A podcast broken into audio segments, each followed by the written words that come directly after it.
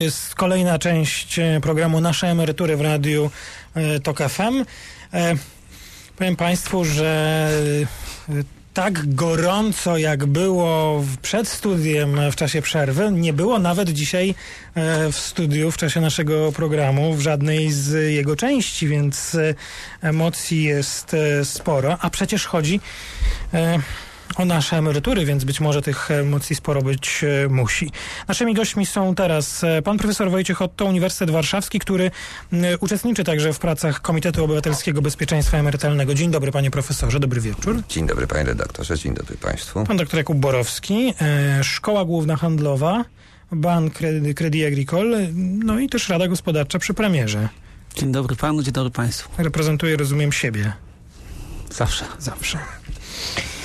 Mm, no dobrze, panowie, to e, po kolei. E, mamy sporo e, pytań i sporo e, wątpliwości.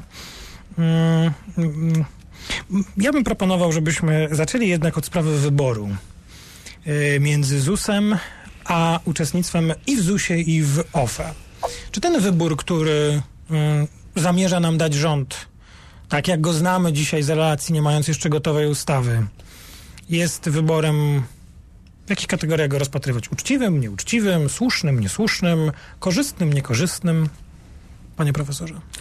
E, no cóż, to niewątpliwie jest propozycja e, nieuczciwa i w dodatku to jest rodzaj pułapki zastawianej na, na uczestników i w dodatku niekoniecznej pułapki. Co to znaczy niekoniecznej? Właśnie. Chciałem zwrócić uwagę na to, że E, kiedy mm, parę tygodni temu funkcjonowały w obiegu publicznym jeszcze te trzy opcje proponowane wcześniej przez rząd, to mówiło się, tak, tak, to mówiło się o swobodzie wyboru w odniesieniu do e, decyzji o przenoszeniu e, zasobu środków wcześniej zgromadzonych w OFE do ZUS-u.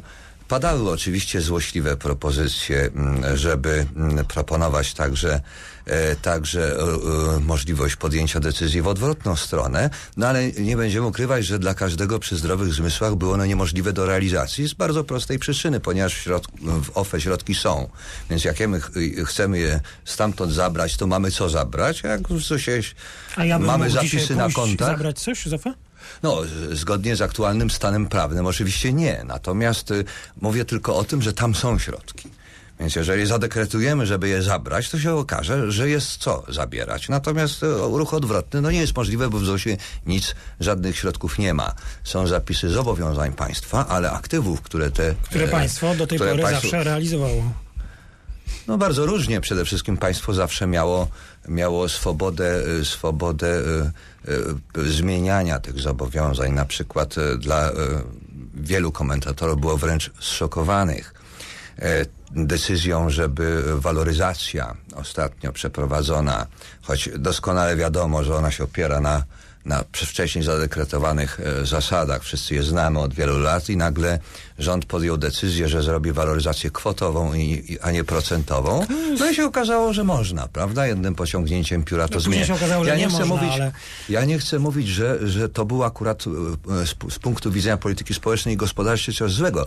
Chcę tylko powiedzieć tyle, że to był moment, w którym dowiedzieliśmy się, rozumiem, że, wybór... że, te zobowiązania można zredefiniować w każdej ale rozumiem, chwili. że wybór, o który pytałem pana profesora zdaniem jest nieuczciwy uczciwy. To znaczy w tej chwili szczególnie dlatego, bo w tej chwili mówi się już tylko o wyborze w, w zakresie e, nowo wpłacanych składek. No tak. I tu tak, no wcześniej, wcześniej, przepraszam, wcześniej była zasadnicza różnica. Wcześniej była mowa o przesunięciu zasobów już zgromadzonych. Kropka. I tam właśnie ze względu na to, że zasoby w OFE są, w, w ZUS-ie ich nie ma, no nie można było dopuścić do ruchu w obie strony. Jeśli chodzi o nowe składki, doktor... to jest absolutnie możliwe, nie ma żadnej konieczności, żeby ten pan... wybór był asymetryczny. Doktor Borowski. No ja nie mam takiego poczucia jak pan profesor, że ten wybór jest nieuczciwy. Wydaje mi się, że e, musimy wrócić do podstaw, to znaczy do celu, który sobie zdefiniował rząd. Dlaczego, dlaczego jest ta zmiana? Rząd chce osiągnąć jeden cel, tym celem jest ograniczenie długu publicznego y, i zmniejszenie deficytu sektora finansów Czy to jest publicznych. Zły cel? Jest to jeden... Cel jest dobry. A to jest oczywiste. Teraz y, rząd miał do wyboru trzy typy działań. Pierwszy podwyżka podatków, drugi cięcie wydatków w krótkim okresie w zasadzie tylko, tylko, tylko wydatków elastycznych, tych wydatków e, w znacznym stopniu wydatków inwestycyjnych. Mm, No i trzecie działanie e, to jest, e, e, to są zmiany w e, otwartych funduszach emerytalnych, które daje w tym wariancie, który rząd zaproponował, no jest dość znaczący efekt w postaci obniżenia długu publicznego. Więc powiem szczerze, e, e, jeżeli rząd zdefiniował tak ten cel i zdecydował się e, sięgnąć do tego trzeciego rozwiązania, e, trzymając się zasady dobrowolności, no to też trudno się jakoś specjalnie dziwić, że ta zasada dobrowolności jednak ma pewne ograniczenia. Zdecydowane ograniczenia. E, tak, zdecydowane ograniczenia i te, te ograniczenia ostatecznie mają sprzyjać realizacji tego celu, jakim jest obniżenie Choć- długu publicznego. jeszcze- Każdy może, momencik, momencik, panie redaktorze, każdy może wybrać. E, I e, ja bym jednak chciał zwrócić uwagę na jeden bardzo ważny element. Ta debata już trwa. Ona trwa w zasadzie od momentu, kiedy po raz pierwszy zaczęliśmy dyskutować o obniżeniu składki do OFE, potem ta składka została obniżona. Mamy zatem do czynienia z kilkuletnim okresem trwania tej debaty. Ta debata się w tej chwili... I uważa pan, że już wszyscy wszystko wiedzą, że tych wątpliwości nie, jest ale nie, no, no pan redaktor widzę to jakoś tak dzisiaj ironicznie. E, oczywiście, że wszyscy wszystkiego nie wiedzą i... Pan e, doktor tak na poważnie. i, bo pan redaktor zadał poważne pytanie, więc staram się poważnie odpowiedzieć. E, nie sądzę też, żeby wszystko, wszyscy wszystko wiedzieli w momencie podejmowania decyzji. Pewnie tak nie będzie, mimo tego, że ta debata rzeczywiście trwa i jest e, przez media e, nagłaśniana.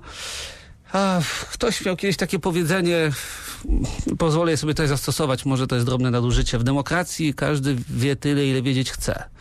Więc e, wydaje mi się, że każdy, kto będzie chciał się dowiedzieć i każdy, kto będzie sobie chciał wyrobić jakiś pogląd, oczywiście sprawa jest skomplikowana, ale, ale, ale można próbować, mm, to taki pogląd sobie wyrobi. Więc e, stąd mam troszkę inny pogląd. Obiecałem e, naszym słuchaczom i obiecaliśmy, że będziemy odpowiadać, czy prosić naszych gości o to, by odpowiadali głównie na pytania, które nasi słuchacze nadsyłają. Reforma, pani Karolina, reforma z 99 roku była wprowadzona ze względu na zagrożenie demograficzne i konieczność rozłożenia ryzyka. To dlaczego teraz na nowo wszystko wkłada się do czarnej dziury w ZUS? No, więc właśnie, y, odpowiadając pani Karolinie, mogę powiedzieć tak. Pan profesor Otto. Te powody, dla których wprowadzano w 1999 roku, one nie znikły. Wręcz, y, wręcz nawet jest w tej chwili gorzej. E, Zmiany demograficzne, których wtedy się obawiano i dla których ta reforma była pewną odpowiedzią, to były zmiany dotyczące trzech obszarów. Wydłużania się życia ludzkiego, e, migracji e, i, i Te dzietności. powody nie znikają? To skąd I- dzisiaj pomysł? Mało tego, przepraszam, ale chciałem jeszcze dopowiedzieć. Teraz to wygląda gorzej niż się wtedy spodziewano. Więc jakby zupełnie nie ma, nie, w żadnym stopniu nie można powiedzieć, że znikły powody, dla których reforma wtedy była e, e, wprowadzana.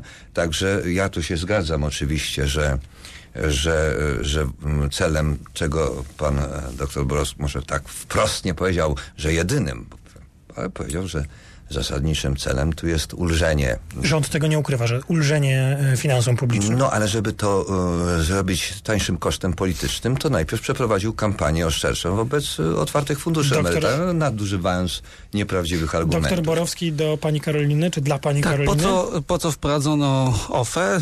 Ja się odwołuję zawsze do... I do tej czarnej dziury, bardzo Do proszę. autorytetu, do profesora Marka Góry, mojego kolegi ze Szkoły Głównej Handlowej. On to wyjaśniał wielokrotnie. Najpierw przede wszystkim wprowadzono system zdefiniowanej składki, składki po to, żeby uniknąć eksplozji e, zobowiązań emerytalnych w przyszłości, żeby ten system e, się finansował. Natomiast OFE dołożono po to, żeby e, w sytuacji, w której te emerytury w relacji do ostatniego wynagrodzenia będą niskie, w ramach tego systemu zdefiniowanej składki, żeby e, przy założeniu oczywiście, że OFE dają taką szansę, żeby e, te emerytury trochę zwiększyć. Tak? Taka, taka była idea. Plus, żeby zróżnicować źródło finansowania. A to jest osobny temat. Y, W, w jaki sposób y, zmniejszać y, dofinansowanie FUS-u? Można podejmować różne działania zmierzające do tego, żeby upowszechnić system emerytalny, żeby włączać również te grupy, które dzisiaj poza tym systemem emerytalnym są, na przykład górników, ale E, chcę powiedzieć, że e, obliczenia, które ja znam, wskazują na to, że e, te korzyści w, w krótkim okresie nie będą znaczące i z punktu widzenia ulgi, e, jaką można dać finansom publicznym, e, ten cel podstawowy, o którym mówiłem, który rząd sobie postawił, nie będzie, e, nie będzie osiągnięty. Ale ja uważam, że y, na ten temat absolutnie trzeba rozmawiać. Y, Pan Marcin, czy gdzieś na świecie istnieje system emerytalny, gdzie zakazuje się inwestowania w bezpieczne rządowe papiery? To jest pytanie, które jest dosyć oczywiste, bo te OFE po reformie, którą rząd zamierza wprowadzić, nie będą mogły kupować obligacji Skarbu Państwa, co ma wyeliminować y, to narastanie dodatkowego długu, o, o czym tutaj rząd y, mówi. Są To jest bardzo zasad- dobre przykłady. Jest na przykład Singapur.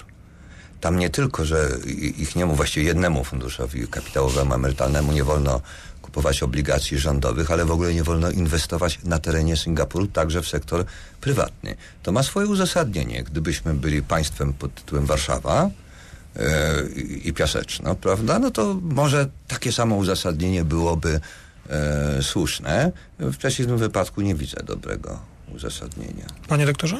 Znaczy, jak rozumiem, chodziło też o to, żeby ten system w większym stopniu odpowiadał a, mm, e, tym, e, czy odpowiadał na to zapotrzebowanie, które pojawiło się w momencie, kiedy on powstawał. Znaczy zapotrzebowanie polegające na tym, żeby dawał pewną premię.